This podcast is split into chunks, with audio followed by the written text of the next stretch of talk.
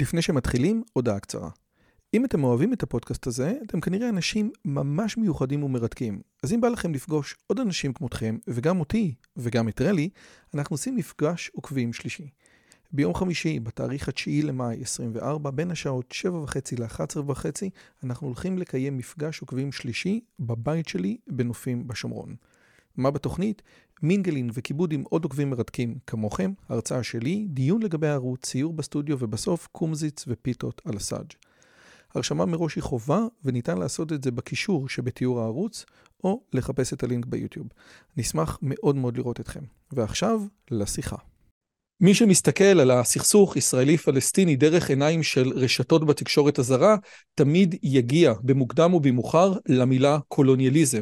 מבחינת הנרטיב הפלסטיני, מדינת ישראל היא פרויקט קולוניאלי אירופי שנולד בחטא וקיים בחטא.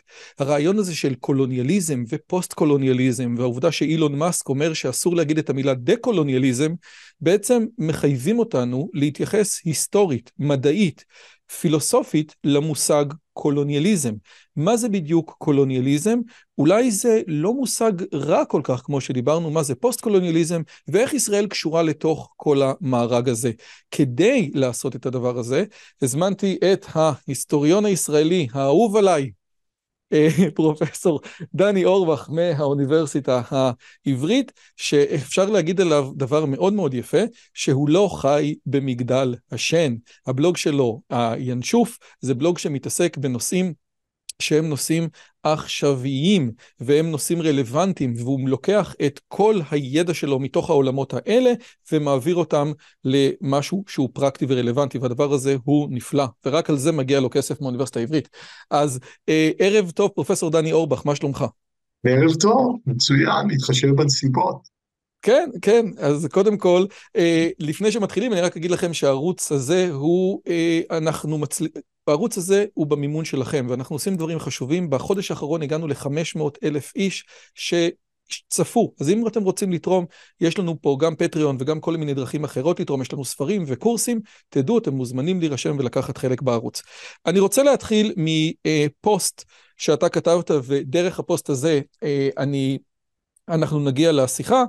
אבל אז זה הולך ככה. שמעתי עכשיו ראיון מעניין, אומר דני אורבך ב-17 לנובמבר, עם פרופסור יעל שטרנל, היסטוריונית של ארה"ב, בפודקאסט המשובח אחד ביום. במהלך השיחה, שטרנל מסבירה שעוולות האדם הלבן והרוע המוחלט שבקולוניאליזם ובשעבוד הלא לבנים הוא קונצנזיוס בקרב היסטוריונים. זה דבר שהוא ברור. אבל יש כאלה שלא מבינים שהמקרה הישראלי-פלסטיני הוא מורכב יותר, מפני שבניגוד לו, יחסי הכוח במקרה האמריקאי-אירופאי כלפי לא לבנים היו אבסולוטיים. היא ממשיכה ומסבירה שבחלק מה, התקוממויות נגד הקולוניאליזם הלבן, כמו בהאיטי, היו מעשי אכזרות מחרידים נגד אזרחים לבנים, כולל חפים מפשע. אך אלו נתפסו כמאבק, למית... כמחיר לגיטימי במאבק בדיכוי. לסיכום, שטרנל אומרת בצער שיש סטודנטים רבים בארצות הברית שתופסים את השביעי באוקטובר באותה צורה. ולי נראה, אומר פרופסור דני אורבך, שאותם היסטוריונים, ביניהם ישראלים, שבמשך שנים סייעו לטפח את האסכולה הפוסט-קולוניאלית, על התפיסה המוסרנית והפשטנית שלה, על הדיכוטומיה המוחלטת בין מדכא למדוכא, ועל הערצת האלימות של המדוכא, כמו גם על האובססיה ליחסי כוח, מתקש... מתקשים להתמודד עכשיו עם המפלצת שהם סייעו להאכיל. טוב, אז כמו תמיד, אני תמיד נהנה לקרוא את... אה, אז אתה רוצה שנתחיל בפוסט הזה, או שנתחיל במה זה קולוניאליזם? מה אתה, מה אתה מעדיף? בוא נתחיל בהגדרות הבסיסיות. אני חושב שההגדרות בספרות הן מאוד מאוד מבולבלות, והן לא אחידות. בגדול אני יכול לומר מה ההגדרות שאני מעדיף, מבין הסבך שיש. תופעה הבסיסית ביותר היא התופעה של אימפריאליזם. אימפריאליזם בגדול זה לא כל פעם שאתה שולט על מישהו בניגוד לרצונו. כי יכול להיות שאני לא יודע אם מחר יהיה בחדרה רוב להתפלג ממדינת ישראל, זה עדיין לא הופך את השלטון בחדרה לאימפריאלי, אפרופו השיחות שהיו עם מדינת ישראל ומדינת יהודה בתקופת מלחמות הרפורמה. אה, איזה היסטוריה. כן, בדיוק. אימפריה מוגדרת כמקום שבו ממשלה אחת שולטת על מספר תאי שטח בהתאם למערכות חוקים שונות. למשל, הצאר הרוסי היה הצאר של הרוסים, אבל בפינלנד ופולין הוא לא היה בדיוק צאר, הוא היה מלך ודוכס גדול. כלומר שקיסר סין ושושלת שין היה החאן של המונגולים והקיסר של הסינים. כלומר, משל בכל אחת מהקבוצות האלה לפי מערכות חוקים שונות. וזאת פחות או יותר ההגדרה של אימפריה והתופעה אימפריאליזם. קולוניאליזם זה סוג של, סוג של אימפריאליזם, שלרוב משתמשים בו בהקשר לא רק מודרני, אבל בוא נאמר של העת החדשה המוקדמת, מאז תקופת מגלי הארצות והלאה, כמעט תמיד, אם כי יש איזה חריגים בהקשר מערבי, של שליטה של מדינה מערבית במדינה שאינה. אה, בהערת הסגר אני אומר שתמיד מאוד מאוד מצחיק, שכמעט אותם האנשים מדברים על זה שמערב זה קונסטרוקט דמיוני ומזרח זה קונסטרוקט דמיוני ומגדירים אחד את השני, מדמיינים אחד את השני אחד מול השני, אדוארד סעיד עוד כתב את זה, אבל מצד שני החלוקות שלהם נוטות להיות מאוד מאוד דיכוטומיות, למרות שזה כביכול דברים דמיוניים. ברוך השם, אה, גם, גם דקארט שאמר אולי אני חולם, לא עלה על מגדל וקפץ, כן? כן. אנשים יודעים את גבולות הגזרה של השטויות.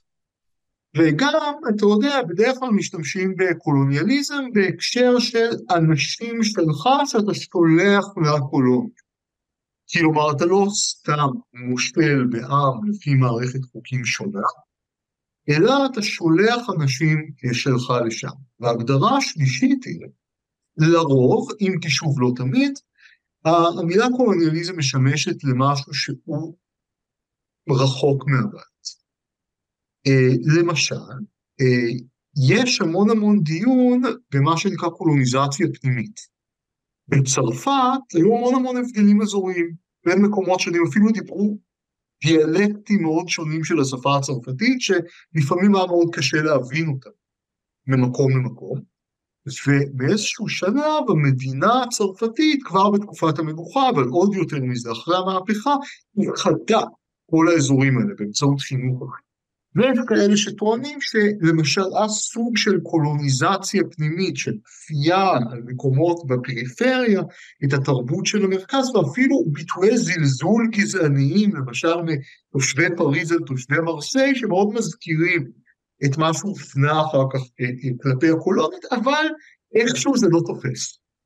שאתה בדרך כלל אומר קולוניאליזם. אז אני רוצה רגע, כן. אוקיי, אז, אז אני רוצה רגע לעשות סיכום ביניים. בסופו של דבר המילה קולוניאליזם מגיעה מהמילה קולוניה, שזה המושבות, כן? בצורה פשוטה למי שלא הבין את מה שאנחנו אומרים, ובדרך כלל מי שיש לו מפה של אה, העולם עם כל הדגלים, כמו שאנחנו אוהבים לבחון את הילדים, רואה שהדגל הבריטי נמצא בהרבה מאוד דגלים, כן? הסימן של הדגל הבריטי נמצא בהרבה מאוד דגלים של מדינות אחרות, והרעיון הזה שאם אני מבין נכון, כאילו יש כמה וכמה רעיונות, מדינת האם, או כמו שאתה אומר, במגלי ארצות הולכת ולארץ חדשה, השאלה אם יהיו שם ילידים או לא יהיו שם ילידים, נגיע לזה עוד רגע, היא הולכת לארץ חדשה, או שהיא הולכת לארץ שהיא לא חדשה. זאת אומרת, יש את הקולוניאליזם של הבריטים מתיישבים ב, אה, בארצות הברית או באמריקה, זה דבר אחד, או הבריטים לצורך העניין מתיישבים באוסטרליה,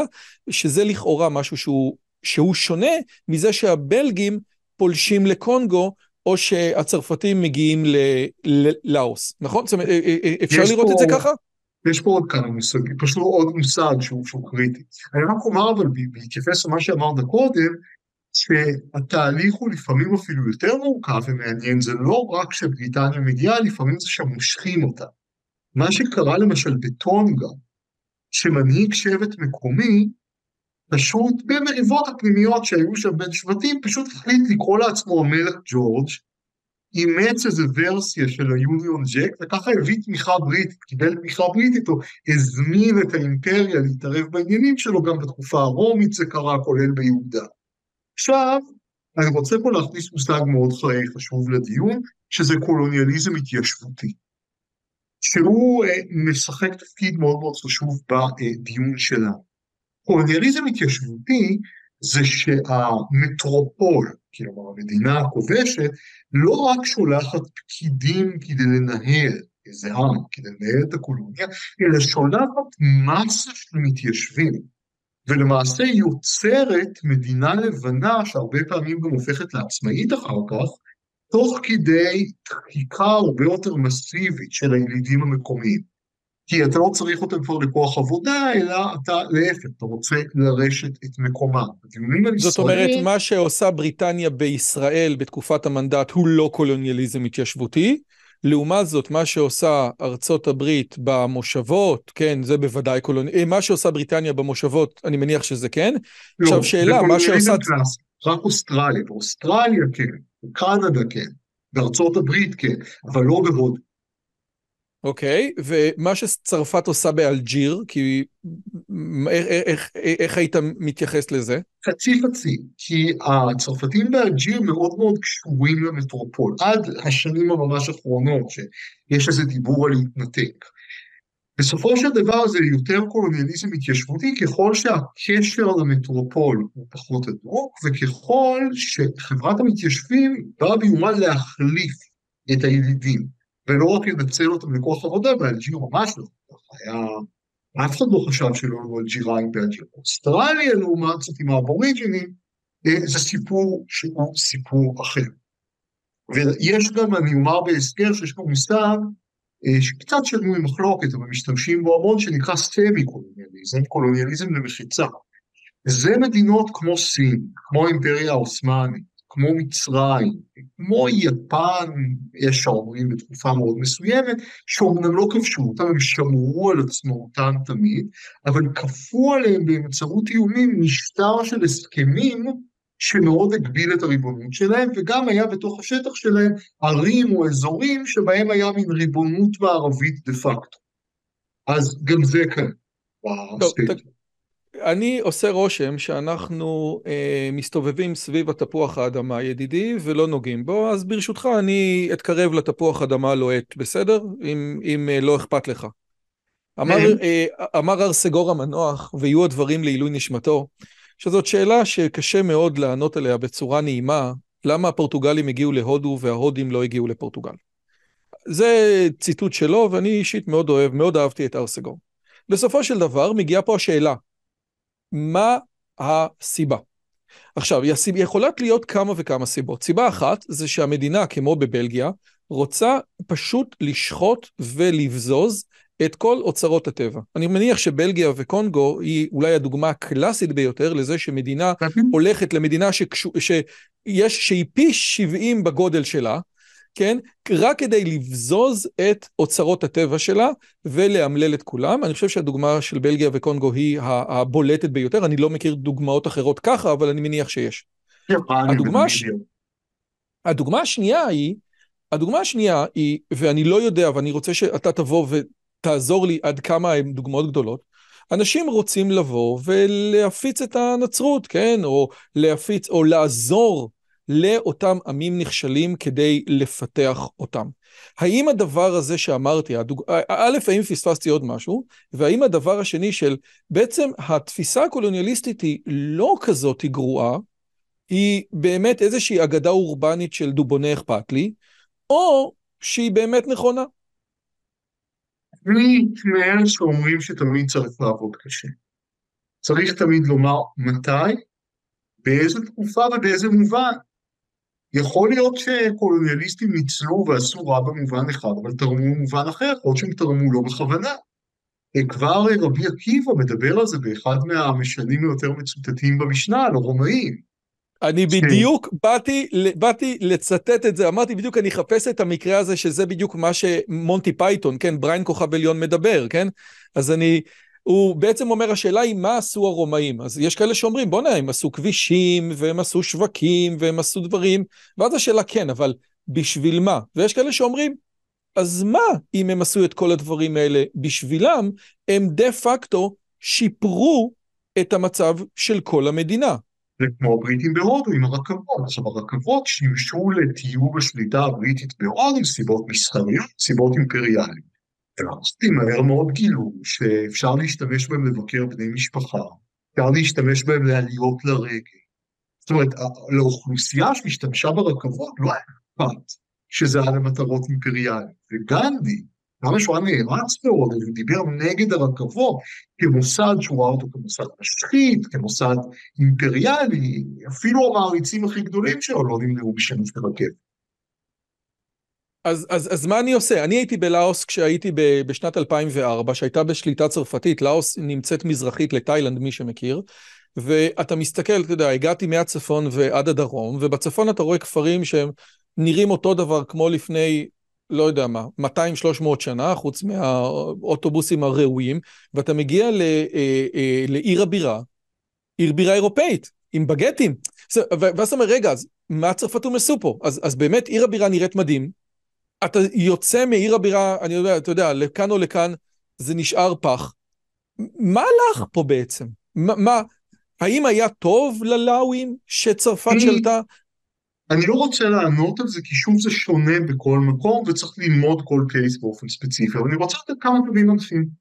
קודם כל, אני חושב ששאלה שבדרך כלל לא שואלים, גם כשמדברים על הניצול הכלכלי של אליזה, כמה הם השקיעו לעומת אה, כמה הם לקחו, כמה יש שם לקחו, מתעלמים מהשאלה מה המחיר האלטרנטיבי, מה האלטרנטיבה. אה, אני זוכר קבוצה הודית בהרווארד שדיברה, אמרה, הקולוניאליזם הבריטים שכבשו את ההודים נגד רצוני עצמנו. אם כי היו גורמים שתמכו בשלטון הבריטי.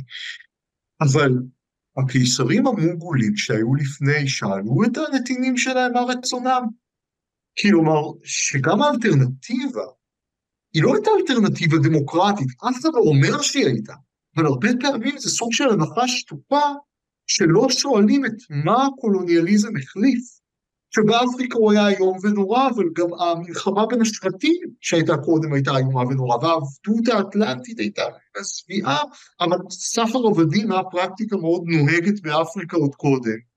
יותר ו... שחורים סחרו בעבדים מאשר לבנים סחרו בעבדים, ויותר שחורים הוציאו עבדים לבנים מאפריקה למקומות אחרים מאשר לבנים הוציאו. ואני אומר עוד אז... משהו, רק פשוט חשוב ככה לתת צבע לשיחה. בתקופת מלחמת רודזיה. אה, איפה זה רודזיה? סליחה על השאלה. זימבבואה של היום. או, תודה, סליחה, לא... והיו חיילים שחורים שנלחמו עבור צבא האפרטהייד, האפרטהייד הרודזי של ליאן סמית. ועיתונאי מערבי שאל את אחד מהסמלים השחורים בצבא, למה אתה נלחם נגד אחיך השחורים? אז הוא ענה, מה אתם חושבים שאנחנו עשינו לפני שאתם הלבנים הגעתם לפה? אז זה דבר אחד, אבל פה אני רוצה לתת את הטיעון דווקא שה... אתה יודע, האנשים שלא מסכימים איתי באקדמיה ייתנו כתשובה לזה, ואולי יעל שטרמן, אתה מפרט אם היא הייתה משתתפת בדיון הזה. היא הבת של זאב? נכון, היא הבת של זאב, לדעתי, אני חושב. אה, היא הייתה מגישה בערוץ אחד בשנים דרך אגב. אה, אני הייתי בתקופה של גדי טאוב. כן, יכול להיות שהייתה אומרת, לא, אני לא רוצה לדבר בשמה, אבל ודאי שרבים כותבים ואומרים שההבדל בין הקולוניאליזם המערבי לבין צורות שליטה קודמות, הוא היה הרבה יותר מתערב, הרבה יותר פולשני, והרבה יותר נצלני, הוא הפעיל שיטות מדעיות. אה, למשל, סחר העבדים המוסלמי היה מאוד מזוויע ולפעמים סרסור, ולפעמים אתה עבדת כעבד אה, אה, נרצע או שפחה חרופה, אבל גם לפעמים היית שר בממשלה או גנרל. או עבדת בבית שהתנאים שלך היו מאוד טובים. הסחר העבדים האטלנטי, שהיה הרבה יותר מדעי, הם ידעו איך לנצל, איך לסחוט את הערך מכל עבד, לא באופן שמשעבד מוסלמי, אכזרי ככל שיהיה, לא בהכרח ידע, הוא לא הפעיל שיטות כל כך מדעיות, למשל איך לדחוס כמה שיותר עבדים לתוך ספינה. אז, אז פה יש להם נקודה. אבל בסופו של דבר צריך להדגיש שזה לא כי אותם שליטים לא מערבים וסוחרי עבדים מערבים לא רצו, פשוט כי הם לא ידעו. וזאת גם נקודה חשובה. וברגע okay. אוקיי. שהם למדו, הם עשו את זה. אז, אז, אז, אז, אז אתה אומר שוב, כי באמת האידיאל שלנו לגבי האינדיאנים בארצות הברית, כן? אתה יודע, שהאינדיאנים הגיעו, אתה יודע, ולואי סי קיי עשה על זה איזה קטע כזה, שהכל היה נחמד, והגיעו האמריקאים והעיפו אותם, כן?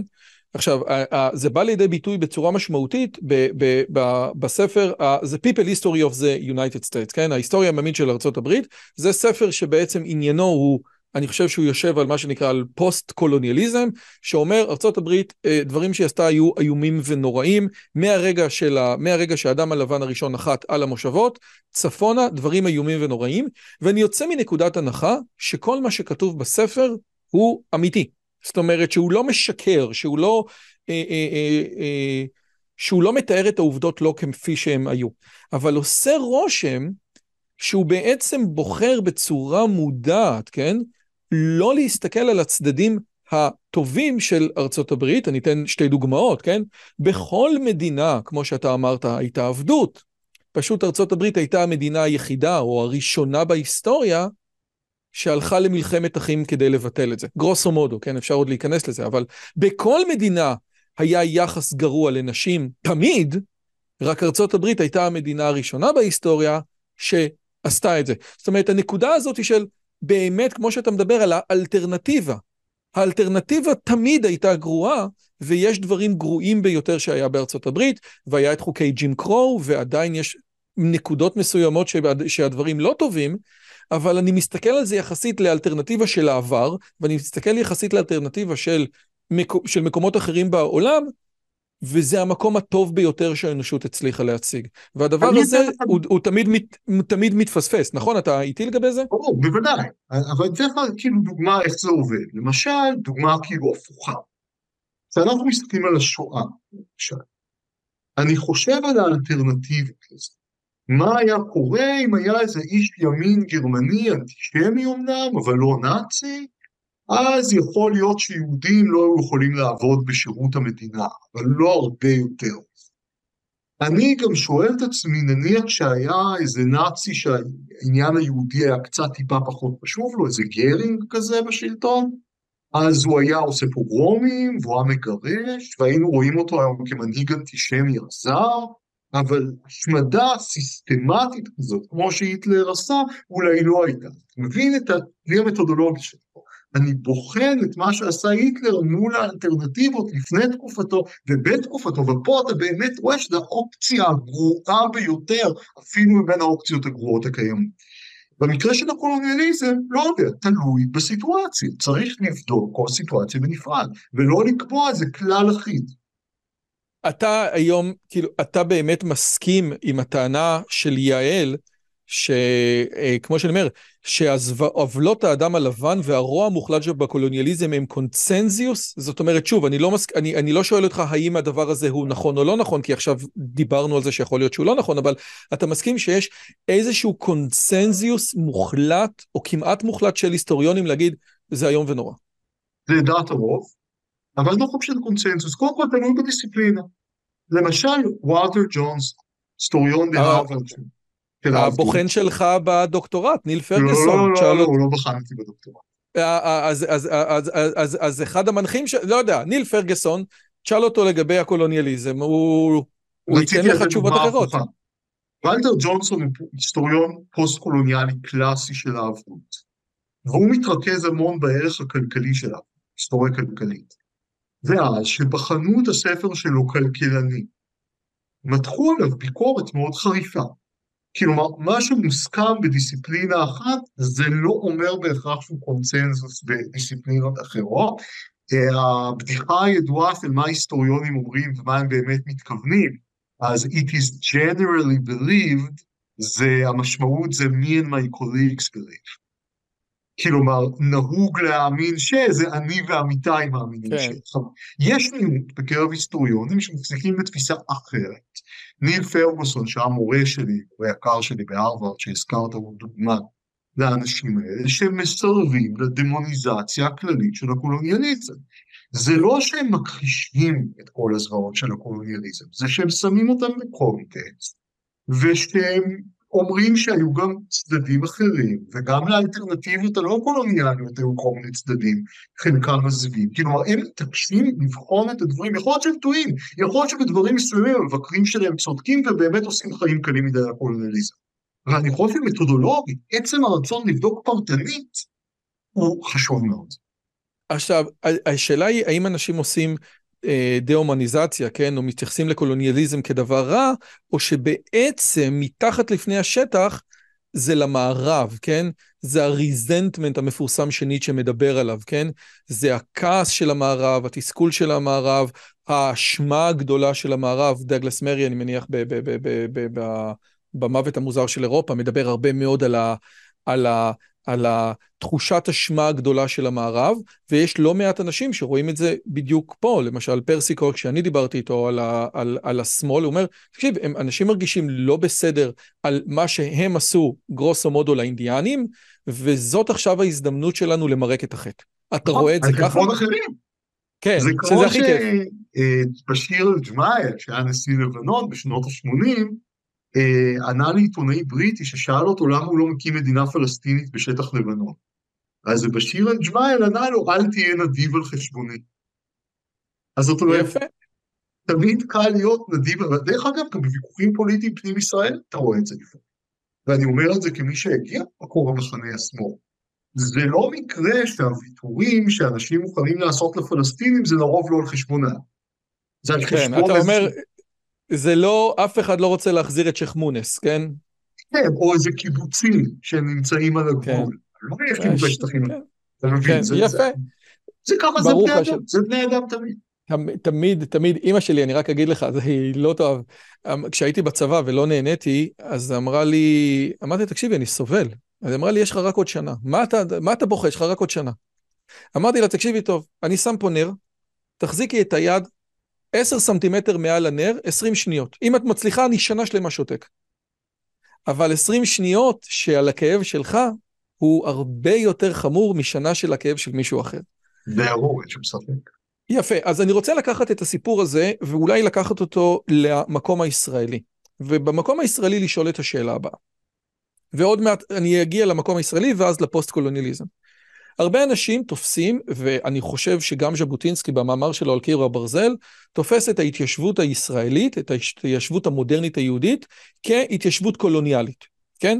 זאת אומרת, ז'בוטינסקי נוגע בנקודות כאלה, הוא משווה אותנו לאמריקאים במאמר שלו על קיר הברזל, והרבה מאוד אנשים אומרים, הנה, מתי תחזירו את ירושלים? ששבט ההורוצ'ו יחזיר את מנהטן, כן? כשהשבט הזה יחזיר את נבדה. ו- ו- וזאת איזשהו אה, אה, בונטון של הרבה מאוד אנשים שבסופו של דבר אנחנו, הם היו פה קודם. הם היו פה קודם. עכשיו, קוד, זה באמת נכון שקולוניאליזם צריך מדינת אם, בדרך כלל.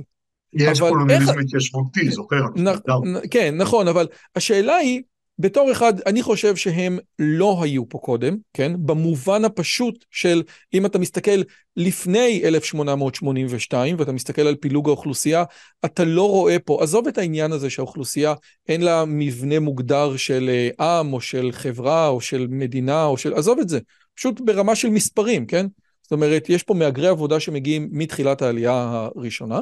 צריך פה לשים סיום. איך. יפה, אז, אז השאלה היא איך אתה רואה את הדברים. זאת אומרת, האם, האם נכון להגיד, הם היו פה קודם, לפי דעתך, ולמרות זאת, הפסדתם, ביי שלום, או אנחנו רואים את הדברים אחרת, או בסופו של דבר, שאמריקאים יחזירו את, אה, שאמריקאים יחזירו את מנהטן אז נדבר, או שאתה רואה את הדברים האלה, עכשיו שוב, אתה ישראלי, איך אתה רואה את זה בהקשרים ה...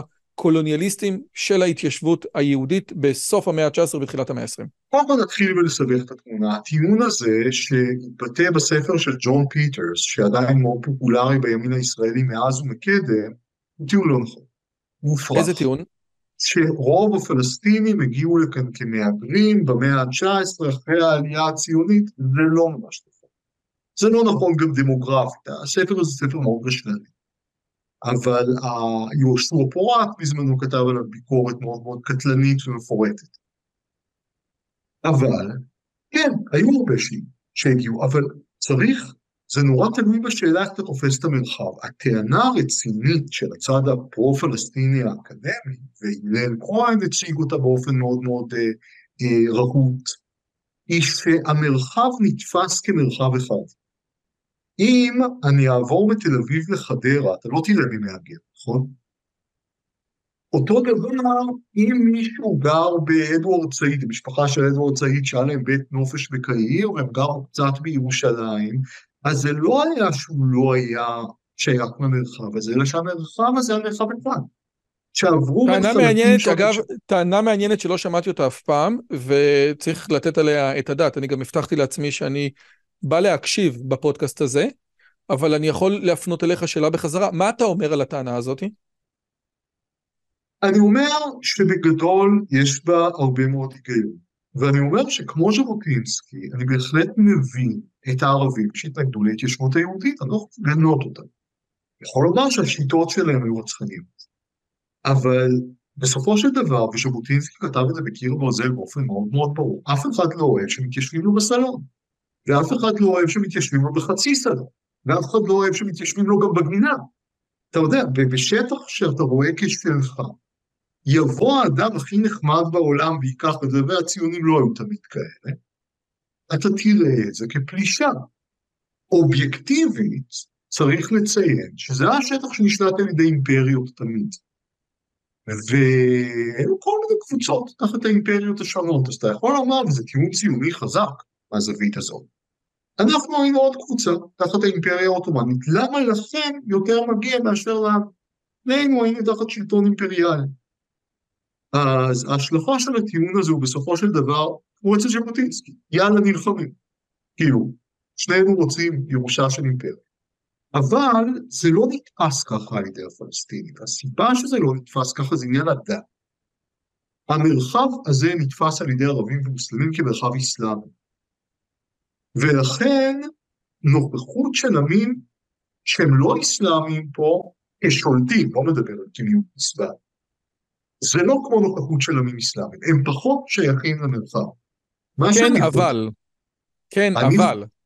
אתה צודק מאוד, אבל גם זה אותו דבר קרה בליסבון ובספרד ובגרנדה, והם עדיין מסתדרים יפה מאוד עם ליסבון ועם גרנדה, שהייתה שליטה אסלאמית, ועברה משליטה אסלאמית. אתה יודע מי אמר את זה? אמר את זה מזכ"ל הליגה הערבית ב-48. מה, שהוא מחכה כן. גם לחזור לגרנדה? לא, לא, לא מה שאתה מצפה. דווקא בנאום, יש את הנאום המפורסם שלו, שזה יהיה מלחמת השמדה כמו מלחמות המונגולים והצלבנים. קצת מצטטים את הנאום הזה לא נכון, כי הוא הזהיר מפני מלחמה. הוא אמר שאם תקום מדינה יהודית, אוי ואבוי זה מה שיקרה, ואני חושב שזה דבר רע. אבל עזוב את זה, יש לו שיחה מאוד מעניינת עם משלחת ציונית, שהגיעה לדבר איתו. ומה שהוא אמר להם, זה חוסר שחר לבקש ממני את הנגב. את הנגב תקבלו רק אם תכבשו בכוח, וגם אם תצליחו להקים מדינה, העולם הערבי ינסה לסגור עליכם מכל הצדדים, אם תחזיקו מעמד מספיק זמן, כמו שהיה בספרד ופורטוגל, ייתכן שהעולם הערבי והאסלאמי יוותר, אבל אני לא רואה את זה קורה, אני לא חושב שתחזיקו מעמד כל כך הרבה זמן, אבל לא, אפשרות. ואז הוא סיים את זה, בסופו של דבר, אם תהיו מספיק חזקים, ואם תצליחו לגייס מספיק בעלי ברית מבחוץ, תשרדו מול ההתקפה הערבית ולא תיעלמו. עכשיו, זה מאוד, הריאליזם הזה מאוד מעניין שמגיע ממישהו שהיה מזכ"ל הליגה הערבית. הוא אומר, יכול להיות שהערבים ימותו, מתישהו. אבל זה יהיה רק אם אתם תוכיחו את עצמכם כבלתי ניתנים לעקירה. אני, אני רוצה לשאול, מכיוון שבאמת, א', הימין גם מביא את הספר הזה שכולם מהגרים עבודה, אבל הוא גם מביא את אה, מסע תענוגות בארץ הקודש, כן? על, ה, על הקונספט של מרק טוויין מס, מסתובב פה באמצע המאה ה-19 ואומר, תקשיב, הכל פה ריק. עכשיו, אה, אני, אני כן הסתכלתי, כן? אני כן הסתכלתי על מספר המוסלמים ומספר הנוצרים ומספר היהודים שהיו פה ב... ב לא יודע מה, ב-1850, ומדובר על מספר יחסית קטן. זאת אומרת, עוד פעם, לא מדובר על העלייה מטאורית, לא מדובר על העלייה מטאורית של תחילת המאה ה-20. עכשיו, יכול להיות שתגיד לי, תקשיב, העלייה המטאורית של תחילת המאה ה-20 לא קשורה לזה שבאת, סבבה, אבל האם אתה, האם אני רואה את המספרים לא נכון? זאת אומרת, האם לא היה שהיא- קפיצה? לדעתי קשורה יותר למנדט הבריטי.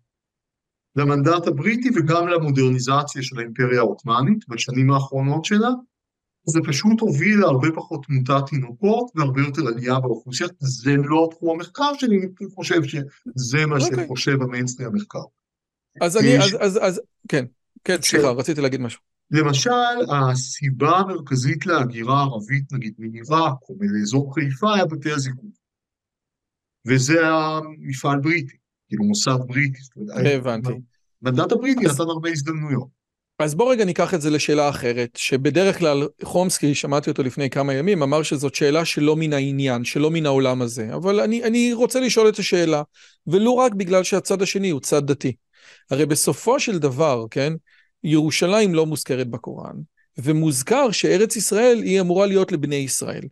הטענה הזאת, זאת אומרת, ויתרה מזאת, בסופו של דבר, כאשר ההתעוררות הלאומית חוזרת מחדש במאה ה-19, בעצם כל אותם אנשים שהתפללו בכל תשעה באב, השיבנו לציון ובכו על החורבן, אומרים, אה, ah, יש באמת מקום, כן? אוגנדה לא הייתה באמת רצינית, וכל המקומות האחרים לא היו רציניים, כי העם הזה תמיד היה קשור בקשר היסטורי. השאלה שלי היא, א', האם לפי דעתך הטענה של הקשר ההיסטורי היא טענה שכן מן העניין לשים אותה? זאת אומרת, כי דה פקטו זאת הסיבה שאנחנו פה.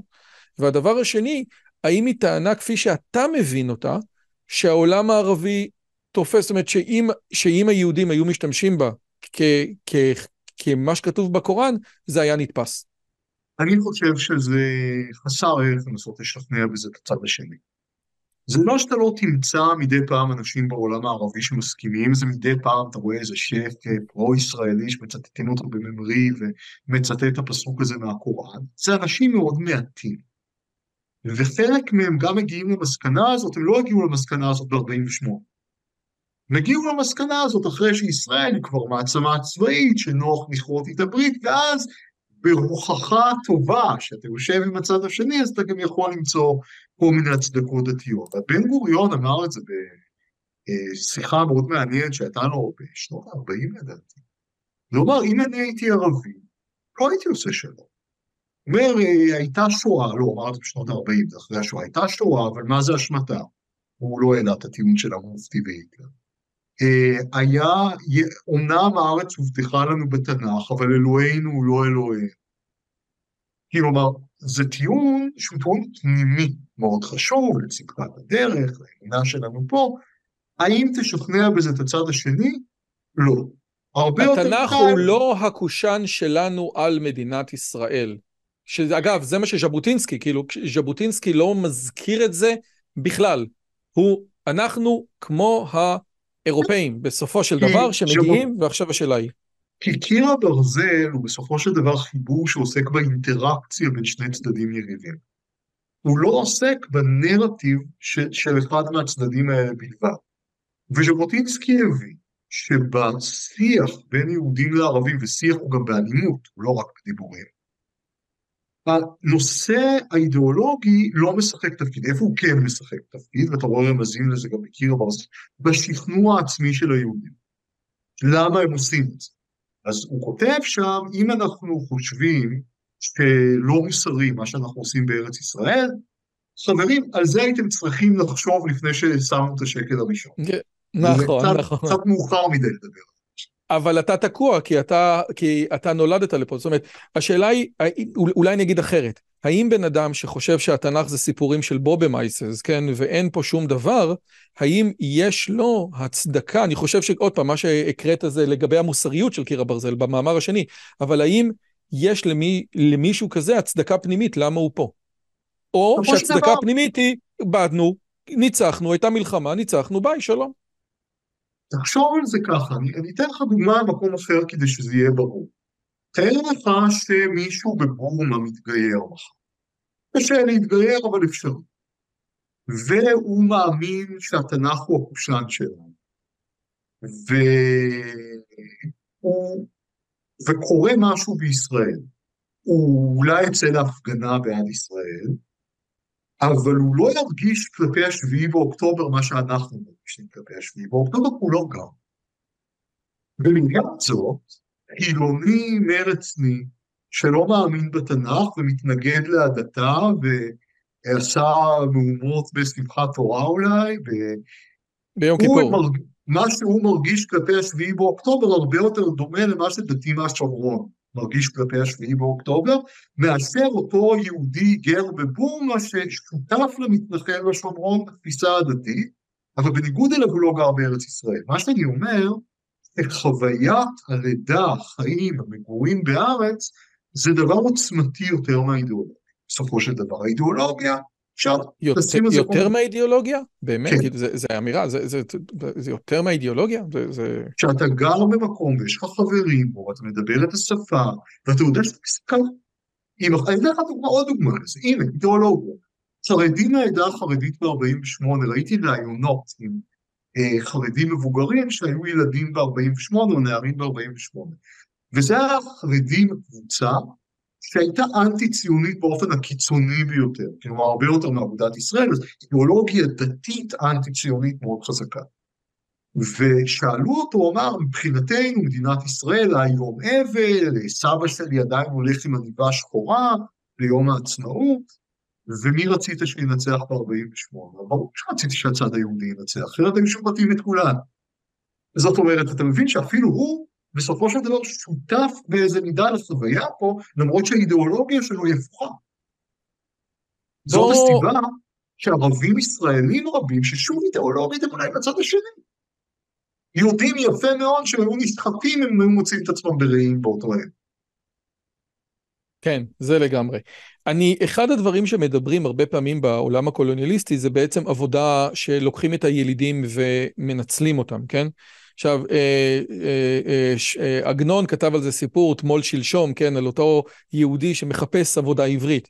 אבל עושה רושם שהקונספט של עבודה עברית הוא קונספט שבמהות שלו הוא אנטי-קולוניאליסטי. אל תיקח את הילידים, תיקח את היהודים. איך אתה רואה את זה? אני לא חושב שפרדיגמה קולוניאלית לגמרי מתאימה, או יכול להסביר את הקטן, אבל אני מדבר בשם אלה שכן חושבים, למשל החוקר ארנון דלני, שאולי תרצה פעם לראיין אותו, מקדם מאוד חזק את הפרדיגמה של קולוניאליזם התיישבותי, בנוגע למפעל הציוני. ומה שמאפיין קולוניאליזם התיישבותי זה שהוא רוצה להחליף את הילידים. יותר מאשר אה, להפוך אותם לכוח עבודה, אם כי הרבה פעמים זה קיים זה לצד זה. זה ממש כמו כיבוש העבודה. פה זה דווקא נופל באופן קלאסי לפרדיגמה. אתה רוצה את הארץ, אתה צריך לעבוד. א' ד' גורדון ממש כתב את זה דווקא שהוא השווה אותנו לפולנים, זו השוואה מאוד מעניינת. הוא אמר, אומרים שארץ נרכשת בדם ואש, אלה אבנים מוחלטים, פולין נכבשה בדם ואש פעמים רבות על ידי כוחות שונים, אבל בסופו של דבר נשארה שייכת לעם שחי בה ומאבד את אדמתה, ולא לאלה שכבשו אותה. אז אה, יאמרו חוקרים אולי כמו ארנון, שזה המאפיין הקלאסי של קולוניאליזם התיישבותי. או שכמו שאומרים, אני חושב שגורדון, כן, הקו שבו עוברת המחרשה יהיה הגבול, כן? זאת אומרת, כן. אתה, מה שתתפוס בקרקע, כן? הוא יהיה זה. עכשיו, אוקיי, בוא ניקח את הדבר הזה וננסה לעבור מהעולם היהודי לא, או ממדינת ישראל. אז שוב, מדינת ישראל, אם אני רוצה לסכם את מה שאמרת, בסופו של דבר, יש פה אנשים שגרים קודם, אה, חלק גדול, טענה אחת היא טענה מעניינת, שאנשים רואים בכל הסיפור הזה איזשהו מרחב אחד, ואז את השאלה היא כמה בדיוק נמצאים בחדרה וכמה בדיוק נמצאים ביפו וכמה בדיוק נמצאים בלוד, היא שאלה פחות רלוונטית, כמו המשפחה של אדוארד סעיד, שחלק שהולכים פה והולכים פה, וכל הדבר הזה הוא מרחב אחד. בין היתר, לפי מה שאתה אומר, ואני אומר שוב, אתה אומר שאתה לא ממש, זה לא התחום שלך, חלק גדול מאוד מהפיק הגדול מאוד, שחלק מהפיק של פלסטינים או של ערבים שנמצאים פה, בסופו של דבר, זה גם מהמנדט הבריטי ומשיפור התבורה ומעוד כל מיני דברים כאלה, ובסופו של דבר יש פה שני עמים שנמצאים ומנסים לרשת את הארץ, ובדרך כלל הדבר הזה נפתר במלחמה. האם לפני שאני ממשיך הלאה, יש משהו לדבר על זה שיש פה באמת, האם מדובר בשני עמים, או, זאת אומרת, האם הרבה פעמים, כן, פייגלין שאוהב לקחת את הסיפור, תן לי משורר פלסטיני מהמאה ה-19. אז אין עם במובן הזה של איזשהו קולקטיב עם רעיון לאומי, אבל לא איך אתה רואה את ה... הוא הגדיר את עצמו כערבי. גם אה, גולדה הגדירה את עצמה כפלסטין. כן, כן הגדרה של פלסטיני, הגדרה יותר מודרנית, ויכוח בדיוק ממתי. אה, בתחום הזה גם צריך להיזהר ממשהו ש... פייגלין ספציפית חוטא בו המון, שעמיתי לנקין קרא לו פעם צטטת מצוין. שאתה לוקח איזה משפט שמישהו אמר משהו פעם ואתה מנתק אותו מההקשר שלו, אתה לא מתייחס לשאלה כמה הוא מייצג, הדוגמה האהובה על פייגלין שהוא חוזר עליה אין סוף פעמים, זה מחבל מאסף שראה סוהר אוכל פיתה בפסח, ואחר כן, כך כן. הוא אמר, מכיר, צלח טועמרי, צלח טועמרי. סלאח תואמרי, כן, זה אוכל פיתה בפסח, ואז היהודים לא באמת מאמינים שהם פה, הם לא שייכים לפה, יאללה בלאגן. הפיתה אמר, שהתחילה את כל המאבק. האם הוא באמת אמר את זה, אם כן, למי הוא אמר את זה, באיזה הקשר, על איזה אנשים באמת זה השפיע, כמה זה מייצג, זה, זה מחלה בשיח הציבורי העניין, שאתה לוקח איזה ציטוט, אתה משתמש בו כדי להוכיח את זה או את זה או את זה, בלי לבדוק את ההקשר שלו. אז, אז שוב, אז אתה אומר, מה, אוקיי, בסדר, אז יש לנו פה, אז למה, א- איך קרה שאנחנו עדיין תקועים מ-48 בדרק הזה? למה לא להגיד, היה מלחמה, הפסדתם, ביי. הרי מה זה נכבה שאתם חוזרים? אתם, אמרו לכם בואו לשחוט את היהודים ותחזרו הביתה, כן? בא, באותו יום, כן? אה, אפילו לא צריך להגיד תפילת הדרך, כי זה באותו יום. אה, וזהו, אז רציתם לשחוט את היהודים, וזה לא הסתדר. הם... אה, מה, מה, איך קורה שאנחנו עדיין בתוך הדרק הזה, ולא אומרים, אה. ניצחנו ביי? תראה, זה לא תלוי רק בנו. יש פה שני דברים. אויב, כל עוד הוא לא מתחסל פיזית, וכמעט אף פעם זה לא קורה, מקרים שזה קורה מאוד נדירים, אם הוא לא החליט שהוא הובס, הוא לא הובס. אתה יכול לומר שהוא חלש מספיק, שדעתו כבר לא מעניינת אותך. אבל אם הוא חזק מספיק כדי לפגוע בך, אז דעתו כן מעניינת אותך. ואם הוא לא החליט שהוא הובס, אז אתה לא יכול לומר שהוא הובס, זה, אה, קוראים לזה אסימטריה בנרטיבים אסטרטגיים, כלומר שהצדדים תופסים תבוסה וניצחון בדרכים שונות. עכשיו, מבחינת הפליטות הפלסטינית, הפלסטינים חושבים, וזה מה שהיה נהוג באזור הזה, עד 48, שלפעמים אנשים בורחים בזמן מלחמה, ולאחרי המלחמה הם חוזרים. והמניעת החזרה נתפסה כשערורייה מוסרית ועוול שאין כמותו. כי בהרבה מקרים, לא תמיד, זה היה רק מי שבא לשחוט את היהודים, אני לא יודע אם אתה יודע, אבל גם תושבי אבו גוש, שהיו פעילי לח"י, גירשו, והחזירו אותם רק כי קמה זעקה, כי היו להם הרבה מאוד חברים בתוך ישראל. ואת אקרית ובירעם, אנחנו כולנו יודעים מה קרה, מילת כבוד של קצין, אבל יש לזעם הפלסטיני סיבה של, אתה יודע, גם גולדה מאיר שראתה את האנשים שנטשו ארוחות חמות בחיפה, אמרה שזה הרגיש לה כמו פוגרומים במזרח אירופה.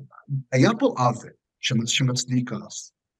הדבר השני... מה אבל, רגע, רגע, שנייה, רגע, אני, אני, אני רוצה רק להיות על הנקודה הזאת, על העוול שמצדיק כעס. האם העוול שמצדיק כעס זה, רגע, אותו החזרת ואותי לא, אותי אתה שונא, או העוול שהצדיק כעס, תקשיב, כשאני באתי לשחוט אותך, אתה לא התנהגת, אתה, אתה לא התנהגת איתי בסדר. כי אני, אני, אני, סליחה שאני ציני פה, אבל אני, זה קריטי. מה זה העוול שמצדיק כעס? כי אנחנו מבינים שהם באמת, איך שהיה את ההכרזה, נכנסו למלחמה, כן? כדי לסיים את הסיפור הזה. אז איך אתה רואה פה את העוול שמצדיק כעס? השאלה היא כמה אתה תופס, כי לפעמים הימין הישראלי רוצה לשחק לאכול את העוגה ולהשאיר אותה שלמה. בגלל זה אני מדבר איתך. כן, מצד אחד אומרים שאינם פלסטינים, כלומר אין קולקטיב כזה. מצד שני, כל חברי הקולקטיב אחראים לכל מה שאנשים אחרים בקולקטיב עושים. איך שפלסטינים מרגישים את זה, אני לא אשם שהמופתי רוצה לחסל את היהודים, אני דווקא חייתי בשער היהודים. היו הרבה מקרים כאלה. Uh, העונש הקולקטיבי, שוב, נקודת המבט שלהם על עם שלם, הוא דבר לא נתפס, ודבר נוסף, רצינו לשחוט, אתה אומר רצינו אותם, הם אמרו הייתה מלחמה, כן הובסנו, אבל אחרי המלחמה חוזרים, ככה זה היה תמיד פה באזור. מניעת החזרה היא דבר מאוד מאוד קריטי פה, וגם, ופה אני יותר ציני, שמדינות ערב, בגלל הסכסוך עם ישראל, שמרו את הפלסטינים במצב פליטות. וזאת שערורייה שאין לה מקבילות אחרות שאתה מכיר. בדרך כלל פליטים... זאת אומרת, יותר מזה שהם לא... אם יש משהו איום ונורא שאנחנו יכולים לעשות לישראל, זה לא להרשות, כמו שאתה אומר, שהכל מרחב אחד, לא להרשות לאותם אנשים להגיע אלינו רק כדי לשים את ישראל באיזשהו לימבו כזה. נכון, בדיוק. דרך כלל אפילו מצרים אמרה את זה עכשיו, שהיא לא מוכנה לסייע בפתרון בעיית פליטות מעזה, כי היא לא רוצה לחסל את הבעיה הפלסטינית. אז בשם הבעיה הפלסטינית הקדושה, הפכו אנשים לפליטים לדורות, שמו אותם במחנות, לפעמים אפליה מאוד קשה כמו בלבנון, והקימו סוכנות מיוחדת שנועדה לטיפול שלהם, אונר"א. עכשיו, מה החוק הבסיסי בבירוקרטיה? ברגע שאתה מקים ארגון, הוא תמיד ינסה למצוא סיבות נוספות לקיומו.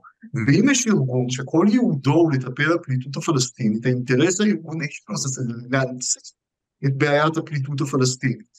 אבל אני הבנתי, אבל אני הבנתי, אני רוצה לחדד משהו לגבי, כי אני הבנתי שהמושג פליט בחוק הבינלאומי, גם בתקופה הזאת, היה מישהו שגורש מאדמתו שהוא היה בה מימים ימימה.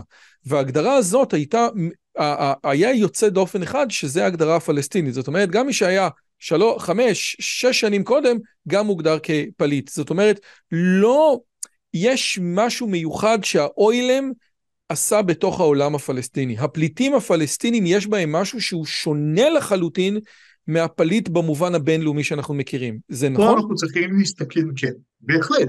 קודם כל, כמו שאמרת, ה framework החוקי שונה באופן חסר תקדים.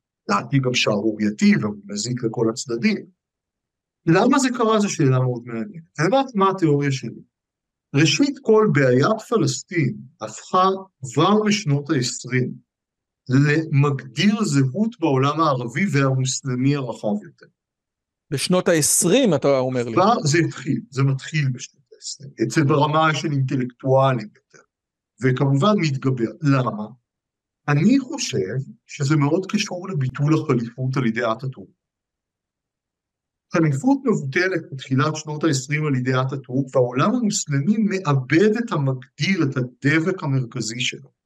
עליית המודרנה, האימפריאליזם, הלאומיות, מרגיש מאוים ומחפש דבק אחר.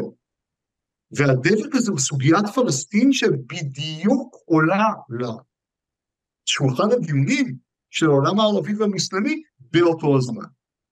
והיא הופכת להיות סוג של מגדיר זהות כל כך חזק, שלמשל בדיונים על החלטת החלוקה, היית תקרא את הפרוטוקולים ותראה מה הנציג האיראני אמר על הפלסטינים, קרא להם קופים. ערבים או ערבים באופן כללי, אבל איראן הצביעה נגד החלטת החלוקה, וגם אותו נציג הצביע נגד בדיון הפנימי בוועדה. אה, כי היה מאוד קשה להתנגד לדבק המאוד מאוד חזק הזה, והעולם הערבי יותר קרוב, וראה בזה סוג של פלישה ללב שלו, וזה השחד אותו, גם היה מאוד נוח לשליטים דיקטטוריים להשתמש בזה כתירוץ לכל העוולות שהם עושים בפנים, ולכן הסוגיה הזאת הפכה לסוגיה ערבית ומוסלמית. יש לנו את הדקולוניזציה, אחרי מלחמת העולם השנייה. מכיוון שהעולם המוסלמי שיחק תפקיד מאוד חשוב בעולם השלישי, שבנה את עצמו ככוח פוליטי, סוגיית פלסטין הפכה קריטית גם בעולם השלישי רגע, שנייה, אז, אז, אז בוא רגע נגיד, מה פירוש המילה דקולניזציה, כן? אני חושב שממש חשוב, כי עכשיו אסור להגיד את זה בטוויטר, זה כמו להגיד From the river to the sea. מה פירוש המילה הזאת? דקולוניזציה היא מצב שבו אה, כוח קולוניאלי אה, מתפרק. כלומר, השלטון קולוניאלי שהיה קודם מתפרק, והעם הילידי כביכול, תופס את השלטון, מקים את מדינתו העצמית, התהליך שבו זה קורה נקרא דה-קולוניזציה. הבריטים עוזבים את הודו, הבריטים עוזבים את הודו, והבריטים עוזבים גם את ישראל, ואז בריטים עוזבים גם את ישראל, כן? זאת אומרת, אז, אבל לנו נראה, יש פה משהו מוזר, שהבריטים שעוזבים את ישראל בעקבות מה שהאצ"ל עושה להם, זה דה-קולוניזציה, ו, ובהקשר הזה זה לא. זאת אומרת, והפלסטינים אומרים, לא, אתה עדיין פה. זאת אומרת, אנחנו רואים בזה שהבריטים עוזבים דה-קולוניזציה, והם רואים בזה שאנחנו נשארים דה-קולוניזציה, משהו פה די מוזר. זאת בעיה שקיימת עם הדבר הזה מראשיתו, גם במאה ה-19 שמדינות דרום אמריקה מקבלות את עצמאות מספרד, הרי זו מהפכה של לבנים ספרדים. זה לא שמשפרים את המצב של השחורים והאינדיאנים, שם לפעמים בדיוק להפך. אז יש כאלה שרואים בזה דה-קולוניזציה ושחרור, אותו דבר בארצות הברית, בריטניה. ויש כאלה שרואים בזה להפך, עוד שיעבוד. השאלה היא, אם אתה רואה את הקולוניאליזם ההתיישבותי מה שהגדרנו קודם, כשונה מהקולוניאליזם הקלאסי, ואיך אתה רואה את העימות בין המתיישבים לבין המטרופול, שכביכול שלח.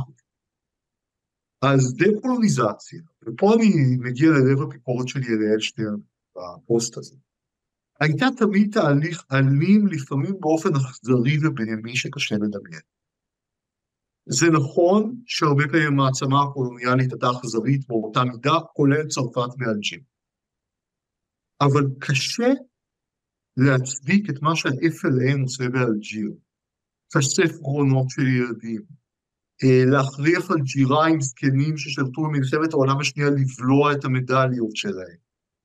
דברים באמת מזריעים ברמות מטורפות, קשה להריע לזה, כמו שסארטרה עשה, כמו שפרנץ פנון שמצטטים עשה, ואז לומר ישראל זה מקרה שונה.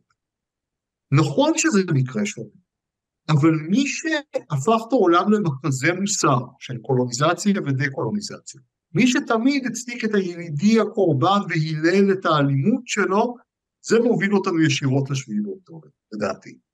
אגב, זה קטע מוזר, כי אותם אנשים, ההתייחסות שלהם לאצ"ל, כן, שבדה-קולוניזציה הייתה שונה, אם אני מבין נכון, כאילו ממה שקראתי מבגין, למרות שאולי הוא קצת, יש לו צד בדבר, כן?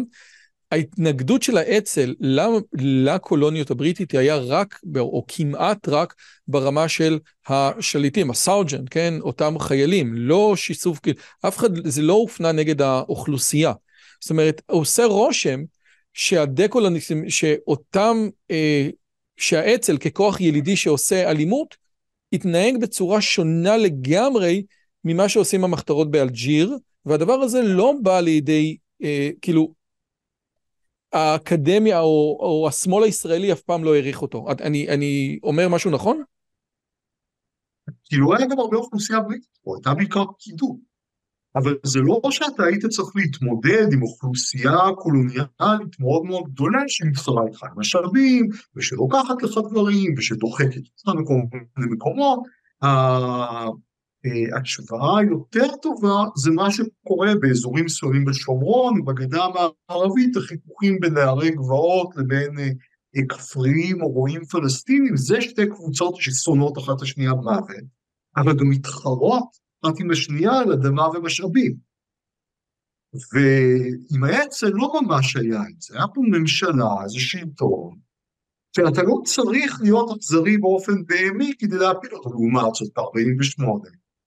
אפילו, אתה יודע, בתחילת המלחמה, הייתה את המלחמה בדרכים, ואז ברור לכולם, גם האצ"ל וגם ההגנה, שצולפים רכבים פרטיים ערביים. זה לא, זאת גם הערבים עשו את זה כמובן. אז, אם אני רוצה לחזור לטענה של יעל, כן? למה? למה שבאמת אני אבין שהמקרה הישראלי-פלסטיני הוא מורכב יותר? מה אף פעם היחסים בין ה... כלפי הלא לבנים, בין האמריקאי האירופאי כלפי הלא לבנים היו אבסולוטיים, כמו שאתה מתאר, כן? למה, אם אני ממשיך עם הקו הזה, שאני מעודד את האלימות של המחתרות, אני אראה ש... שהשביעי באוקטובר זה לא אותו דבר. אם אתה אה, ממשיך בקו של יעל שטרן, שמהלל כל דה-קולוניזציה, אתה תהיה בבעיה. אני אומר, לי יש מדד מוסרי אחר. אני תמיד אומר, אני לא מאשים צד שהוא רוצה להשיג את מטרותיו, הלאומיות האחרות. אני שואל, האם האכזריות שהוא נוקט בזה מינימום האכזריות הדרושה? זה אף פעם לא מינימום, אבל קרוב לפחות כמה שאפשר. האם פחות או יותר מהצד השני, וגם, אני שואל את עצמי, ואני חושב שזאת שאלה חשובה, כמה אתה מוכן להתפשר עם מי שעומד מולך? ככל שאתה פחות מוכן לעשות את זה, אז האכזריות שלך פחות מוצדקת. אני מבין שהפלסטינים מבחינתם, אני מבין למה הם לא רוצים להתפשר. אבל בכל זאת, העובדה שהם דחו הצעה אחרי הצעה אחרי הצעה, הופך את האכזריות שלהם לפחות הכרחית להשגת לפחות מקצת למטרותיהם. זאת אומרת, שאלה שלי תמיד, כמה זה הכרחי? כמה זה רע הכרחי? שביט, או, או כמו שאוריה שביט יגיד, אולי המטרות שלהם זה לא מה שאתה בתור בן אדם ערבי משכיל מודרני יכול לדמיין בכלל. ככה אומר אוריה שביט, ואוריה שביט מכיר, אי אפשר להגיד עליו שהוא לא מכיר אסלאם, כן? ופחות, אבל בסופו של דבר אי אפשר להשמיד מדינה, בלי משהו קרוב לג'נוסייד. התמוטטות מדינה זה משהו נורא ואיום. אה, ואם זאת המטרה שלך, אז כמות האכזריות שאתה צריך להפעיל היא עצומה. מצד שני, לכאורה שגם פלסטינים שמוכנים בלית ברירה להשלים פתרון יותר חלקי, הרבה פעמים מתקשים לגנות אכזריות והרג אזרחים כאמצעי. אפילו המטרות שלהם יותר חלקיות. וזה משהו שנטוע, אני חושב, בנרטיב הלאומי הפלסטיני. וזה מה שהופך את המאבק הזה לכל כך אכזרי. אני לא חושב, דרך אגב, שזה בלתי ניתן לשינוי. רגע, אז אני, ש... אני רוצה, רגע, אז אני, אני רוצה לשאול בדיוק את השאלה הזאת בה, בהקשר הזה, וחשוב להגיד שהיה מאמר שפרסמתם גם במקור ראשון, וגם בבלוג של האינשוף, וגם אחרי זה, אם אני מבין נכון, פרסמת אותו, הלכת ותרגמת אותו לאנגלית, שבעצם אמר את הדבר הבא, בסופו של דבר, חוקי המלחמה, זה פעם ראשונה אנחנו רואים צד שמשתמש, כן, מה שקרה בבית החולים זה, זה, זה, זה, זה מטורף, כן? צד שמשתמש בחוקי המוסר והמלחמה כדי לרמות את המשחק. זה מה שאתה אומר, ואומר, בהקשר הזה, משהו, כאילו, לא הגיוני שאנחנו משחקים לפי חוקים, כאשר צד משתמש בחוקים כדי לרמות, כן? מאמר יפהפה ששווה לקרוא. אז, אז אני לא נכנס למאמר הזה כי הוא באמת נפלא ושווה לקרוא אותו, וגם אני אתן קישור פה, אבל אני כן רוצה לשאול, מה כהיסטוריון של המלחמות, כן? של מלחמות לא פשוטות, בנקודת הזמן הזאת, איך אתה רואה דרך מוצא? אני חושב שקודם כל צריך לחזור לז'בוטינסקי. אתה חייב להבהיר לצד השני שהוא לא יזיז אותך. שלא משנה מה הוא יעשה, אתה תישאר. אני אומר את זה יותר בקטן גם על המטרה עכשיו של מיגור חמאס. שדרך יותר טובה לעמוד בלחץ בינלאומי, זה להעביר שיש לך ליבה שעליה אתה לא מוותר. ואז, מכיוון שדיפלומטים לא אוהבים להתנגש בקיר, במצב כזה, הלחץ ינתב את עצמו לדברים אחרים, ובהם אתה צריך להיות כן מוכן להתפשר. זאת אומרת, לדעת מה הליבה שלך, שעליה לא מוותרים, ומעבר לליבה, להיות גמיש. למה? ז'בוטינסקי אומר גם בקיר הברזל, ואת זה מצטטים פחות, שאחרי שהם התנגשו בקיר הברזל מספיק פעמים, יקומו מתונים. כתוצאה מהניסיון הזה. אבל אם אתה נותן גם למתונים להתנגש שוב ושוב בקיר הברזל, אז לא עשית כלום, זה לא יכול להיות רק קיר ברזל, וגם ז'בוטינסקי הכיר בזה. זה דבר אחד. דבר נוסף, זה לתת, יש משפט שכתוב באנאס, באפוס הרומאי, אני לא רואה את עצמנו כאימפריה הרומית, שאף אחד לא אמר את זה, אבל אה, זה, תכף אומר מה, מה אני שואב בזה. אומר, חסד תתה לנכנע וחרב נקם למורד בה. זה האידיאולוגיה הרומאית הקלאסית. ואני חושב שאתה צריך להציע לפלסטינים... אגב, לא תמיד, שבדרך... הם לא תמיד הלכו לפי האידיאולוגיה הזאת. הרבה פעמים אנשים נכנעו והם פירקו להם והפכו אותם להיות אה, עבדים בקרקסאות, כן? צריכים להגיד גם את הדברים האלה. לא, זה תלוי מתי. אם אתה נכנע ואתה לא חוסך להם קרב, אז אין בזה טעם. אם אתה נכנס שאפשר לחסוך מזה קרב, אז אתה מקבל תנאים הרבה יותר טובים. ואני חושב שגם צריכה להיות, לישראל צריכה להיות משהו להציע לפלסטינים שיבחרו ללכת בדרך אחרת מהדרך של חמאס. ואני חושב שבזה אנחנו לא תמיד טובים. כלומר, אנחנו לא תמיד נותנים את החרב נקם, גם זה לוקח לנו זמן. אבל הנה עכשיו עושים את זה בעזה וטוב שעושים. אבל חסד תתה לנכנע, חלק הזה, אני חושב שאנחנו צריכים להיות יותר חזקים, לא? ואז אם קיר ברזל מספיק חזק, אתה תטה אנשים לכיוון הזה. אני אתן לך דוגמה, שתראה שאני לא מדבר בעל. היה עכשיו סקר מפלסטיני לא מזמן על העמדות של פלסטינים בנוגע לשביעי באוקטובר. מה שציטטו מזה זה שהיה תמיכה מאוד מאוד גדולה, אתה יודע, זה צירוף של תומך לגמרי לתומך באופן חלקי, נתעלם רגע מהניואנס הזה, כי תומך באופן חלקי יכול להיות שלא תומך נגיד אם אתה סוני אסטרפים. נניח ש... לא יודע, שם את כל התומכים ביחד. הדבר המעניין הוא שבעזה יש פחות תומכים מאשר בגדה. אם אני זוכר זה 60 ומשהו אחוז מול 80 ומשהו אחוז, ובעזה אלה שתומכים לגמרי זה כבר מיעוט, זה 40 ומשהו אחוז. מה, מה זה אומר? זה, אני משער ששנינו יודעים שהעזתים לא... שבגדה לא פירקו אותם לגמרי. ובסופו של דבר, קיר ברזל משפיע. זה לא שהפלסטינים, זה עצם זה שאש"ף מוכן לקווי 67, הוא לא מוכן לקווי 67 בשנות ה-70. דברים זזים. לא איך שהיינו רוצים, עדיין המקסימום שלנו לא מגיע למינימום שלהם, אבל המקסימום והמינימום טיפה יותר קרובים למה שהם היו פעם. אני אומר שקיר ברזל משפיע, אבל מהצד השני צריך להיות משהו, לא בהכרח מדינה פלסטינית, לא רק אימפוטטיביות השמאלני הקלאסי, אבל אתה יודע מה? בואו נתחיל בחיים טובים והוגנים תחת כיבוש. דבר הבסיסי ביותר. ואני לא בטוח שזה המצב היום. אגב, אני רק רוצה לחדד, בתור אחד שגר בשומרון ומתנהל מול פלסטינים, או התנהלתי עד השביעי באוקטובר בצורה הרבה יותר משמעותית מרוב חבריי בתוך גבולי הקו הירוק. ב... עוד פעם, עד כמה שאתה מאמין למי שמדבר איתך, כן? תמיד אפשר להגיד שהוא מחרטט. אבל עד כמה אתה מאמין למי שמדבר איתך, בדיוק כמו ערביי המשולש, אם היה אפשרות לקבל איזשהו קונספט של תעודת זהות כחולה, אני לא יודע אם זה אזרח או תושב, כן, ואפרטהייד וסיפורים, כן? אבל אם היה אפשר להיות תחת שלטון יהודי, דה פקטו לא מעט אנשים בשומרון מהפלסטינים היו אומרים, אומרים שזה מה שהם היו מעדיפים. שוב, יכול להיות שהם משקרים לי, ו, ו, אבל הדברים האלה חוזרים עוד פעם ועוד פעם ועוד פעם.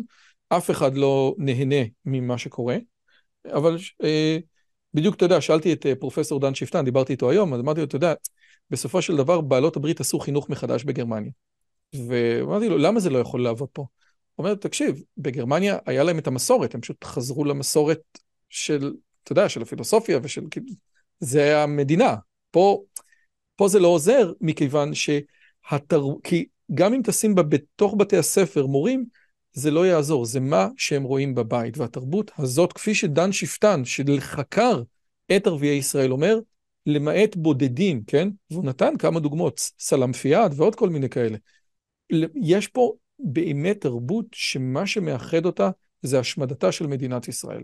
והוא אומר, אז למה, אפשר לשאול את דן שפטן, אתה אמרת את המושג ערביי ישראל, למרות שומר חום. ברור לנו שההתנהגות של ערביי השטחים וההתנהגות של ערביי ישראל היא שונה מאוד. קודם כל, בשומר החומות, בשומר החומות, אתה ראית שההתנגדות לא כל כך שונה, זה דבר אחד. והדבר השני, באמת, הוא בעצם אומר שערביי ישראל נמצאים בדיסוננס קוגניטיבי מאוד גדול. כי מצד אחד הם נכון. מבינים שהכי טוב להם פה, ומצד שני, ההתנהלות ומסמכי החזון והדרך שבה הם מחנכים את הילדים, היא נגד הסיפור הזה. ואומר, הדיסוננס הזה הוא, הוא, הוא, הוא, הוא מאוד מאוד חי. עכשיו, האם יש אנשים... אני חושב שהוא חותר נגד הטיעון של עצמו.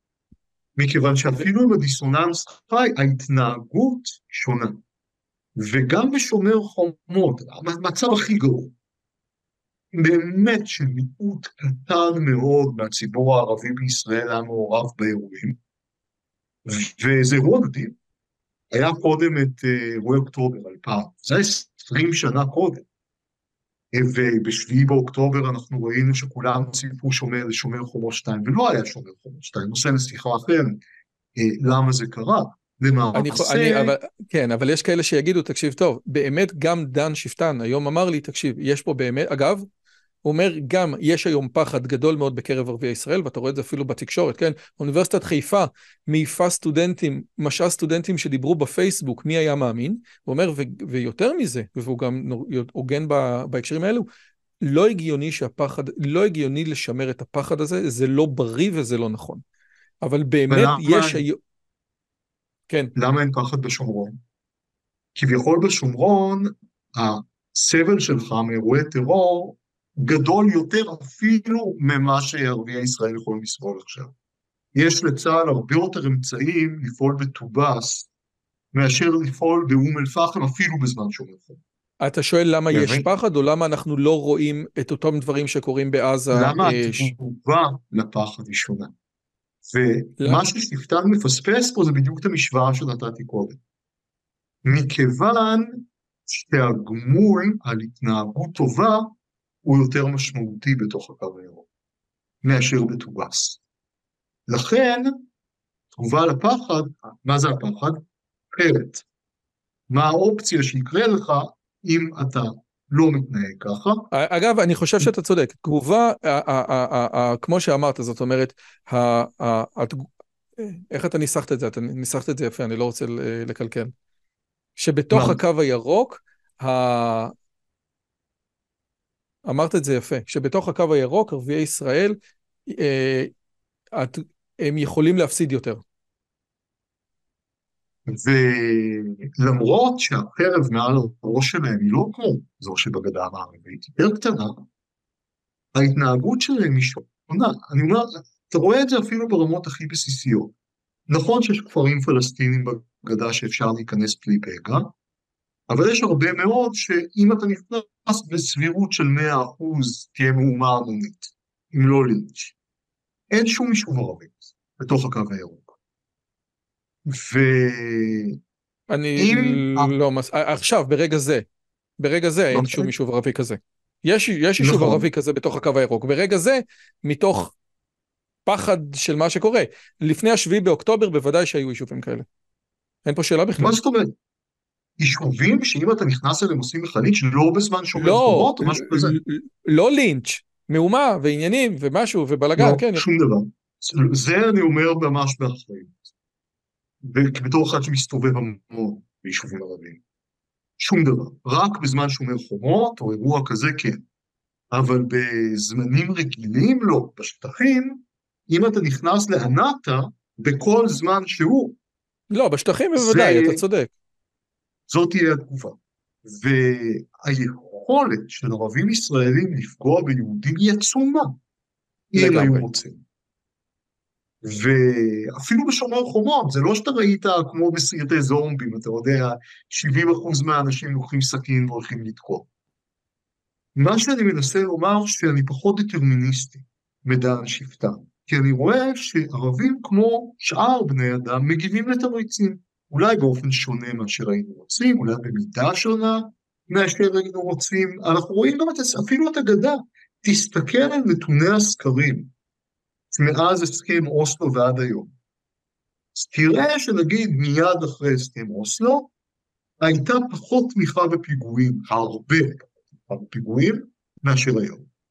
מה, האנשים השתנו? זה כי המצב הוא שונה. מכיוון שגם התמריץ להתנהג אחרת הוא שונה. וזה מחבר אותי לכל הוויכוח. הוויכוחים והדיונים שיש על תופעה שקוראים לה אלימות מתנחלים, אני בכוונה לא אומר הידיעה, אה, תמיד מאשימים שזה הכללה, אני בכוונה מדבר על זה שזו קבוצה קטנה ומבהיר את זה. אגב, היא קבוצה, זה, אה, קודם, כל, קודם כל זה באמת נכון, פשוט ה, ה, להגיד אלימות מתנחלים כמשהו שהוא סימטרי עם מה שקורה בצד השני, זה... זה אני לא חושב שהוא סימטרי, אבל אני חושב שהוא מספיק משמעותי כדי לגרום... אני חושב שהוא מספיק משמעותי כדי לגרום נזק. ישבתי בערוץ 14 עם מוטי יוגב, הוא לא ידוע כשמאלני גדול, וגם הוא אמר שלהערכתו מדובר בכאלף אנשים. אלף אנשים זה הרבה אנשים. זה לא אלף אנשים יכולים לעשות, אלף אנשים יכולים לעשות בלאגן גדול מאוד, אני מסכים. כן, נכון. אלף אנשים... סכנה של זה, וזה מה שאני מחבר את זה לדיון הקודם שלנו, זה שזה בדיוק פוגע במשוואה הזאת של התמריצים. שאם אתם מתנהגים ככה, הצבא עושה לכם ככה, ואם לא, אנחנו נותנים לכם לחיות בהגינות. אבל אני רק רוצה אה, לחדד, אבל, אבל, אבל גם שווה מאוד לתת, אתה יודע, הרי כל הדיבור הזה היה, אה, או, או כל, היום מאוד אוהבים להגיד את המילה קונספציה, כן, של אמן, של תיתן אישורי עבודה ויהיה פה, ותיתן את כל התמריצים האלה, כן, ותכניס סחורות ואת כל הדברים האלה, ואז אם יהיה בסדר, לא והקונספט, מה? מה הבעיה? נתת את התמריצים הפוך. הפכת את המשוואה. את ההטבות האלה נתת למקום שתחת שלטון חמאס. שהוא מה שצריך להתייחס אליו בדיוק הפוך, ולכל מיני כפריים במקומות בגדה נתת להם לריב עם חוות מעון. כלומר, אני, אני אומר שמערכת התמריצים שישראל נתנה בגלל אסטרטגיה לקויה הייתה בדיוק הפוכה ממה שהייתה צריכה לתת, וזה מתחיל כבר באיוולת של ההתנתקות. הנה אני ימני לרגע. או, ממש, נכון, אתה אפילו אמרת סליחה על ההתנתקות, לא? כאילו, לא שאתה זה, אבל... לא, אני לגמרי. ההתנתקות נתנה בדיוק את התמריץ ההפוך. מי שמתנהג כמו חמאס מקבל שטח אוטונומי שלו, מי שלא, צועק לו, לא מקבל כלום. אגב, בהקשר הזה, אז אם אני מבין אותך ואתה מדבר על הדברים האלה, הדבר הכי מובן לי, דווקא בייחוד, הרי תמריץ זה מה שכואב לבן אדם, כן? בסופו של דבר. אם, אם בן אדם רוצה להתאבד ואתה אומר לו, אני אהרוג אותך, אז זה לא תמריץ טוב כדי לא לעשות, כן? תמריץ אמור להבין את הפסיכולוגיה של האדם. אם אני מבין נכון, הרעיון הזה של דרבל אסלאם, כן? אה, אה, כאילו, אדמות האסלאם, אם, אם זה, כן, זה הדברים הכי חמורים. עושה רושם שתמריץ מעולה בהקשר עם זה, עזוב התיישבות מחודשת בגוש קטיף, אלא לקחת את צפון הרצועה ולהגיד שלום, שלנו. שטח צבאי, זה, לא... אם זה יהיה אפשרי, בוודאי. אני לא בטוח שזה אפשרי. זאת אומרת, כי זה נותן מה... תמריץ, כי זה נותן תמריץ ברור של אתה פלשת לשטח ואתה אתה איבדת אותו בגלל ההתנהלות המושחתת שלך. בגדול, נכון לגמרי. אם אפשר לעשות את זה, זה עניין של הזדמנויות. אני לא בטוח שזה אפשרי בינלאומית ואזורית, אבל אני תמיד אומר בכל התוכניות ליום שאחרי, וגם אני בכל מיני צוותי חשיבה, שצריך תמיד להיות מאוד קשובים להזדמנויות שיצוצו. לראות מה אפשרי בכל מצב, מה יעבירו לנו, מה לא יעבירו לנו, אבל עקרונית, תיאורטית, אני מסכים איתך לחלוטין. והשאלה האחרונה, אנחנו נמצאים, אנחנו מקליטים את זה יום חמישי בערב, מחר יוצאת לפועל יום חמישי ה-23 לנובמבר, מחר יוצאת לפועל עסקת שבויים, עושה רושם שהיועץ האסטרטגי של סינואר, או אם זה לא היועץ האסטרטגי סינואר, שיחק את הקלפים שלו לעילה ולעילה מ-7 לאוקטובר בצורה מדהימה, פשוט מדהימה, כולל מחלוקת מהותית בתוך עם ישראל. כאילו ממש לא היה יכול לעשות יותר טוב. אה, אני רוצה לשאול לגבי העסקה הזאת בצורה עדינה. מכיוון שאני ראיתי בסקרים של פילבר שהתמיכה בעסקה מתפלגת בין שמאל ובין ימין, אני חושב, א', שיש משהו פוליטי בעסקה הזאת, זאת אומרת, כי עובדה שהיא מתפולגת שמאל וימין, כן? זאת אומרת, בגלל שרוב השמאל בעד העסקה ורוב הימין נגד העסקה, אז יש בה משהו פוליטי. והדבר השני, אז אני רוצה לשאול אותך, א', האם אתה מסכים לטענה הזאת? והדבר השני היא, האם לפי דעתך זאתי, אז כאילו, אה, אה, זאת טעות אסטרטגית? אני כאילו נורא נזהר, זאת אומרת, במובן הזה שהאכלנו את המפלצת. עכשיו, שוב, יש המון דברים, וקור... ו... זה מצב שלא היה אף פעם בהיסטוריה. כן, אבל חלק... ולמרות זאת אני שואל. אני אחלק את התשובה לכמה חלקים. קודם כל, אני חושב שסינואר משחק לנו במערכת ההפעלה. הוא יודע? בדיוק, משחק לנו במערכת ההפעלה. הוא יודע בדיוק מה החולשות שלנו, והוא אה, עלה פה על שני זרמים הרסניים שצריך להצביע עליהם. אחד, זה הדאגה לעכשיו, לשקט, לביטחון, לשבויים עכשיו, על חשבון המחיר של פעולות עתידיות. יש קריקטורה נבואית באופן מצמרר שהתפרסמה אחרי שנחתם חוזה ורסאי, שכמובן הרבה רואים בו כאחראים למלחמת העולם השנייה, רואים את החותמים, המנהיגים, הולכים מרוצים מעצמם בארמון ורסאי, ואז קלמנסור, ראש ממשלת צרפת, אומר, מוזר, אני חושב שאני שומע פה ילד בוכה, וכתוב למעלה הילדים של 1940. זאת אומרת, קשה להיות יותר נבואי מזה. ואותו דבר פה, אתה לא חושב על מי שירצח ויחטף בעתיד, והם לא מבינים שההפגנות והלחץ מעלים את הביקוש לשבויים, שביקוש עולה עולה מחיר. זה דמי כלכלה מבוא שיעור ראשון, לא מבינים את זה. ודבר מי לא נוסף... מי לא מבינים את זה? אני לא מאשים את המשפחות לרגע. כן. אלה שתומכים בהם. הבאז התקשורתי, אלה שמשתתפים בהפגנות, אה, זה אסון, זה אסון. והזרם השני שככה מתחבר עם זה, זה התבוסתנות המערכתית שפשטה בנו. הרבה מאוד אנשים, גם מומחי ביטחון, גם פרשנים ותיקים, אנשים שמכירים, שמבינים, הם עול הניסיון והשנים רובץ עליהם במידה מסוימת, ועודף תחכום והם לא מבינים שכל התחכום הזה הוא חשוב, גם אני בעדו, אני נגד הפופוליזם הזה שאומר הכל פשוט והמומחים לא יודעים מה מדברים. אבל הם שכחו לנצח, שהמטרה של צבא הוא לפעמים להכריע. ו, ויצחק בריק, שדווקא מהללים אותו בימין, הוא נציג מאוד מובהק של זה. אתה ראית מה שהוא אמר לכל uh, טלוויזיה, מיקרופון ומגהץ אחרי, ש... אחרי השביעי באוקטובר. צה"ל, uh, צה"ל לא מוכן, צה"ל לא יכול לעשות כלום, uh, צה"ל יישחט בעזה. אנחנו רואים שכשמאוד רוצים אפשר. ואני חושב שהתבוסתנות הזאת מאוד מתחברת עם הדאגה לשבויים, ועלולה להוביל להפסקת המלחמה. עכשיו אני אהיה פה מאוד ברור. אם נחדש את המלחמה אחרי ההפוגה, אומנם נספוג נזק, חמאס יערך מחדש וכל זה, אבל זה נזק הפיך.